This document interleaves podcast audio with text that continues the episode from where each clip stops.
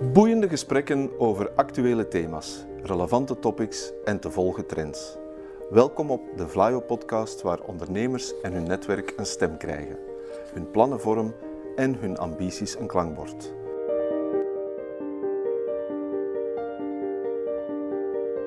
To the point waar het kan, dieper gravend waar het moet. Inspirerend, informerend, ondersteunend. Van artificial intelligence, blockchain en circulaire economie tot digitale zorg. Wij knopen het in jouw oren.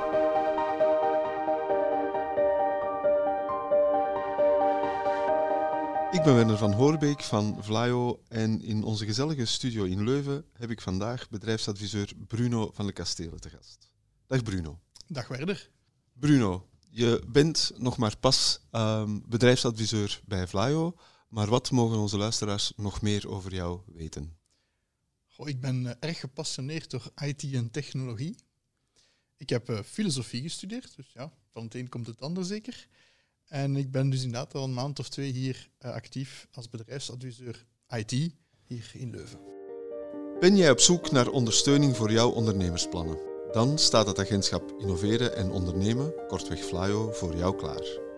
WhatsApp of bel ons op 0800 20 555 of contacteer ons via www.flyo.be. Je hebt, zoals dat hier de gewoonte is, een boek voor ons meegebracht. Een sprookjesboek lijkt het op het eerste zicht. De Smit, de Geit en de Koning van Hans Kleisters. En ik begreep dat jij hem ook persoonlijk kende. Ja, we zaten in hetzelfde jaar uh, in het middelbaar en ik uh, speelde samen hem in de volleybalploeg. Hij is co-founder van, denk ondertussen al een vijftal start-ups en hij is ook een coach van andere bedrijfsleiders. Dus hij heeft ook wel heel, al heel wat kilometers achter de kiezen. En nu heeft hij dus een uh, sprookjesboek geschreven. Ik wil daar toch een anekdote over. Mijn uh, tienjarige dochter uh, vond dat op de tafel bij ons en was daarin beginnen blaren. Ze was geboeid geraakt, ze begon te lezen en toen zei ze, papa, een sprekende geit, dat vind ik nog wel oké voor een sprookje, maar bruistabletten in de middeleeuwen, dat klopt toch niet helemaal. Gewoon om maar aan te geven dat het een erg toegankelijk geschreven boek is en ik denk dat dat ook de bedoeling was van Hans om dat zo te doen. Ja, duidelijk. Hè. Het, is, het is echt een fijne verademing om dit boek te lezen. Hij wil het altijd eenvoudig uitleggen en hij slaagt daar ook zeer goed in. Geen buzzwords, tenzij om er eens mee te lachen. Geen uh, digitalisatie dit, digitalisatie dat. Het gaat echt over de essentie. Verkopen. Maar misschien moeten we beginnen met het sprookje te vertellen, want het is tenslotte een sprookjesboek. Het sprookje op zich is eigenlijk redelijk eenvoudig. Je hebt Johan de Smit samen met Irma zijn geit, die een zeer centrale rol speelt natuurlijk ook in het verhaal. Het zijn eigenlijk twee uitvinders die, je kan het zeggen, per ongeluk airhoeven ontdekken. Namelijk hoeven waarmee je heel, heel snel kan lopen als paard en die ook heel licht zijn. En ze hebben een leuke uitvinding en zeggen we gaan dat aan de koning verkopen. En dat is eigenlijk het begin van het verhaal. Want onderweg komen ze een aantal mensen tegen die hen eigenlijk daarin helpen. Ja. Uh, je hebt bijvoorbeeld André de Appel, die vinden ze in een boomgaard. En die legt dan uit van ja, je moet de klant helpen, je moet value, uh, waarde brengen voor je klant. Dan zeggen ze, ah, oké, okay, daar moeten we over nadenken. Wat is, wat is echt de waarde voor, van ons product voor de koning?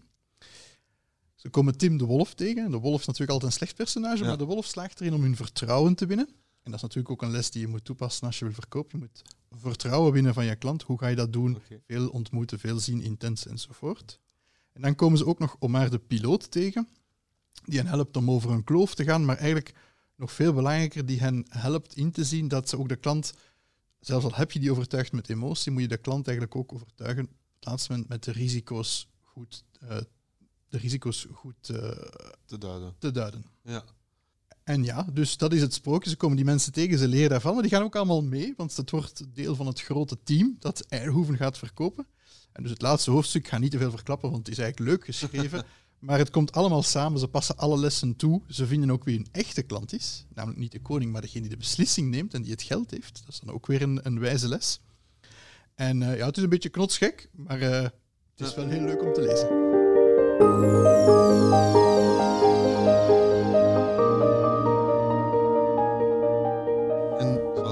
Gaat, die hebben allemaal een duidelijke boodschap. Wat is die kort samengevat voor jou? Boodschap is in C eenvoudig. Je verkoopt door te verleiden met waarde. Dus die speelt op de emotie van je klant. En dat doe je niet door al je features, door al je functionaliteiten op te sommen, maar wel door een relatie op te bouwen, uh, door veelvuldige contacten met je klant.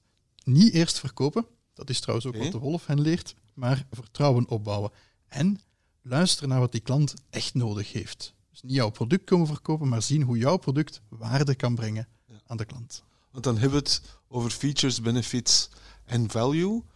En wat leuk is, is dat Hans regelmatig zijn boek of het sprookje stopt om wat dieper in te gaan op een aantal van die dingen. Het, het sprookje wordt onderbroken en dan krijg je echt een uh, focus op een aantal dingen die hij wil meegeven. Uh, en zo heeft hij een aantal voorbeelden uh, mee over de value sweet spot van een product. Ik neem het, het voorbeeld uit het boek over de industriële microgolfoven. En ik neem dat omdat het ook een B2B voorbeeld is. B2C, dat kan je uitleggen, emotie, contact enzovoort. Maar zijn expliciete insteek is ook om telkens te spreken over die B2B-klant. En dit is een mooi voorbeeld daarvan. Bijvoorbeeld, wat is een industriële microgolfoven? Features 800 watt. Oké, maar dat, is, dat zegt niks. Jouw concurrent komt ook met 800 watt of zelfs met 1000 watt. En als hij niet met 1000 watt, dan gaat hij de prijs onder jou zetten. Maar dan heb je geen relatie en geen emotie. Je kan het hebben over de benefits naar de klant toe. Ja, Oké, voor jouw bedrijfsleider, uh, doodbacteriën als de beste. Schrijft, geeft hij als voorbeeld Hans. Ja, dat is, dat is mooi als de beste, maar wie gaat dat bewijzen? Wie gaat dat zeggen? En wat is die klant daar uiteindelijk mee? Features en benefits gaan over jouw product. Maar eigenlijk wil je value aan de klant en moet dus over de klant gaan, niet over jouw product. En het voorbeeld dat hij geeft van die fictieve industriële microgolfoven is dat door het eenvoudige design de onderhoudskosten verkleinen van een bedrijfsleider. En dat is natuurlijk wel iets met Ja.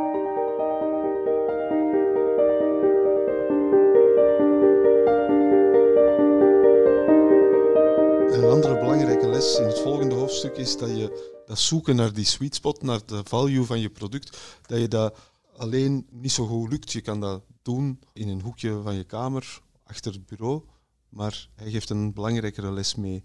De, de les is eigenlijk op twee manieren. De eerste, zoals ik al zei, de, de teamleden die eigenlijk het team komen versterken. En dus je, het is door die interacties met zowel de appel als de wolf als de piloot, dat ze leren wat is nu de echte waarde en hoe, hoe kunnen we dat opbouwen. En het tweede, natuurlijk zeer expliciet, dat leren ze van Tim de Wolf, is uh, dat vertrouwen opbouwen. De wolf die, die komt hen tegen in het betoverde bos waar ze verdwaald zijn en die helpt hen uit, uit de nood. Die man heeft een ja, Tim Tim GPS. en die, maar het eerste wat hij doet is niet dat verkopen, is dat vertrouwen en zeggen ik ga u helpen. Ja. dan gaat hij natuurlijk verkopen en slaagt er ook in om die zijn Tim Tim GPS te verkopen aan, aan, aan Johan. Maar het is echt belangrijk eerst dat vertrouwen opbouwen. En ik denk zelfs ook zeer belangrijk voor jonge bedrijven en voor starters. Als bestaand bedrijf heb je al een zekere ervaring, heb je al een zeker track record. Dat is natuurlijk leuk. Maar voor de jonge bedrijven moeten er eerst in slagen om dat vertrouwen op te bouwen bij hun uh, toekomstige klanten. Klopt. Ja, Hans Kleisters komt dan zelfs op de proppen met een uh, formule. Trust is frequentie maal intensiteit maal duurtijd maal fysieke afstand. Kan je dat even toelichten? Het is een eenvoudige uh, formule. Het is ook de enigste die er eigenlijk in staat. Kort samengevat, frequentie, het gaat over je moet veel de potentiële klant benaderen. Niet te veel natuurlijk, hè. het is ook een sweet spot. moet intens zijn, hè. moet zorgen dat je samen iets meebeleeft. Het klassieke voorbeeld dat hij ook geeft, is het cliché uitnodigt, is een voetbal en samen naar de voetbal gaan. Maar er zijn ook zoveel mogelijkheden om het anders te doen, om creatief te doen. En hij spreekt over de voetbal, maar hij zegt ook, Hans Kleis zegt, maar, ga de klant afhalen. Dan verhoog je de duurtijd van het contact. Hè. Dus niet alleen tijdens de voetbalmatch, maar ook, ook, ervoor en daarna. Terwijl kan je praten. En zowel in de voetbalmatch als in de auto is de fysieke afstand kort. Je zit redelijk dicht bij elkaar. En dat is natuurlijk face-to-face gesprekken, moedigt hij ten zeerste aan. Via Skype zegt hij verkoop je eigenlijk niets. In het vierde hoofdstuk, daar komt uh, Omar de piloot om de hoek kijken. Uh, en die heeft uh, hen een belangrijke boodschap over ratio en emotie. Voor sommigen is dat een of-of verhaal, maar uit Hans' boek heb ik begrepen dat het vooral en-en is. Uiteraard. Je gaat eerst verleiden met emotie en dan sluit je de deal met de, ratio. De klant gaat komen met, ja, maar is dit wel de juiste keuze? Kan ik dit verdedigen binnen mijn bedrijf? Dan moet je klaarstaan met de juiste uh, functionaliteiten, met de juiste woorden om uit te leggen van, kijk, okay, jij ziet dit risico, maar ik zet daar dat tegenover, of dit is de feature die het kan, een kleine herhaling van die features enzovoort. Dan mag je spreken over features en functionaliteiten om ja, die laatste klik te maken voor de klant om zijn ratio nog één keer goed te overtuigen.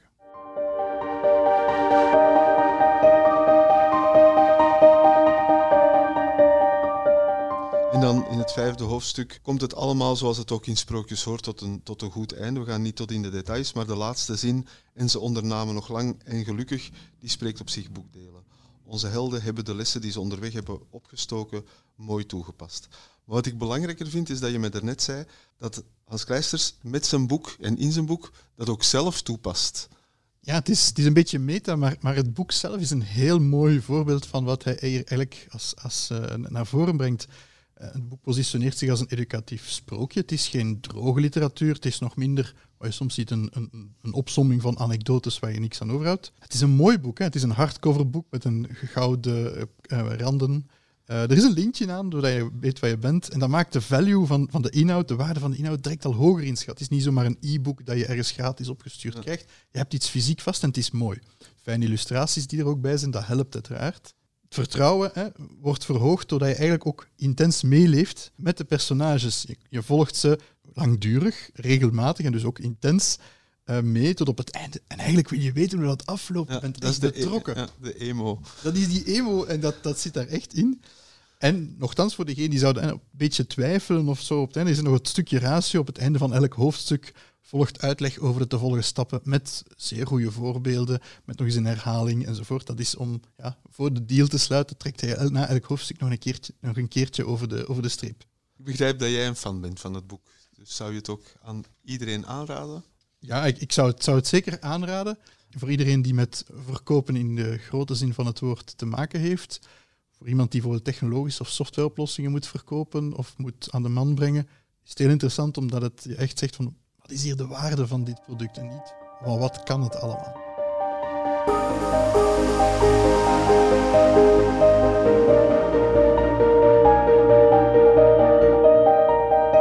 Zijn er dingen die jij ook in jouw actieve leven als bedrijfsadviseur toepast? Zijn er dingen die je meeneemt in je gesprekken met de klanten die je voert? Het aspect waarde voor de klant neem ik altijd mee. Van oké, je hebt misschien wel een heel mooi product en dat is goed uitgedacht en goed ge-R&D'd en dat zit als ingenieur mooi in elkaar. Maar kan je daar ook mee naar de markt? Wie wil dat kopen? Wat is de waarde van dat product dat je brengt? Zijn er al mensen die daar hè, interesse voor getoond hebben? Ik probeer altijd die tweespalt van ja, zowel de goede oplossing als willende mensen die oplossing aan de man te brengen. En dat zijn stukken die ik hier toch wel nog eens, uh, nog eens het opgestoken heb. Wist je dat Vlaio bedrijfsadviseurs klaarstaan om jou als ondernemer te ondersteunen en te adviseren? Heb jij innovatieve plannen, ambities om te groeien of je bedrijf te transformeren? Dan helpen wij die graag waarmaken.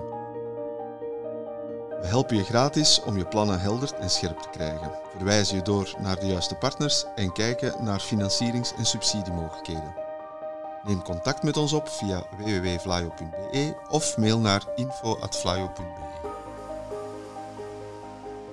Ik sluit mijn podcast altijd met dezelfde uh, vraag af. En dat is, wat voor type ondernemer zou jij zijn mocht je geen bedrijfsadviseur zijn? Welk type onderneming zou jij graag leiden of geleid hebben? Ja, ik vermoed dat dat waarschijnlijk wel in de IT-sector zal zijn, gegeven mijn interesses daarvoor. Ik werk ook altijd graag in een niet wat kleinere structuur, een KMO. Uh, dat, zou, dat zou zeker mijn interesse zijn. En waar ik eigenlijk vooral naar, naar, uh, naar streef, is dat het iets is met een lange termijn, ik ga zeggen sociaal of maatschappelijk doel? Eh, bijvoorbeeld een IT-oplossing, maar hoe maakt die dat digitale analfabeten beter kunnen meegaan in de maatschappij? Dus dat toch ergens een lange termijn doelstelling is. Niet zo van dit kwartaal zoveel en volgend jaar verkoop ik het, uh, mijn start-up, om veel geld te verdienen. Nee, iets op lange termijn dat je iets kan opbouwen. Dat is mooi. Ehm, ik wil jou heel erg bedanken voor deze podcast. Gedaan.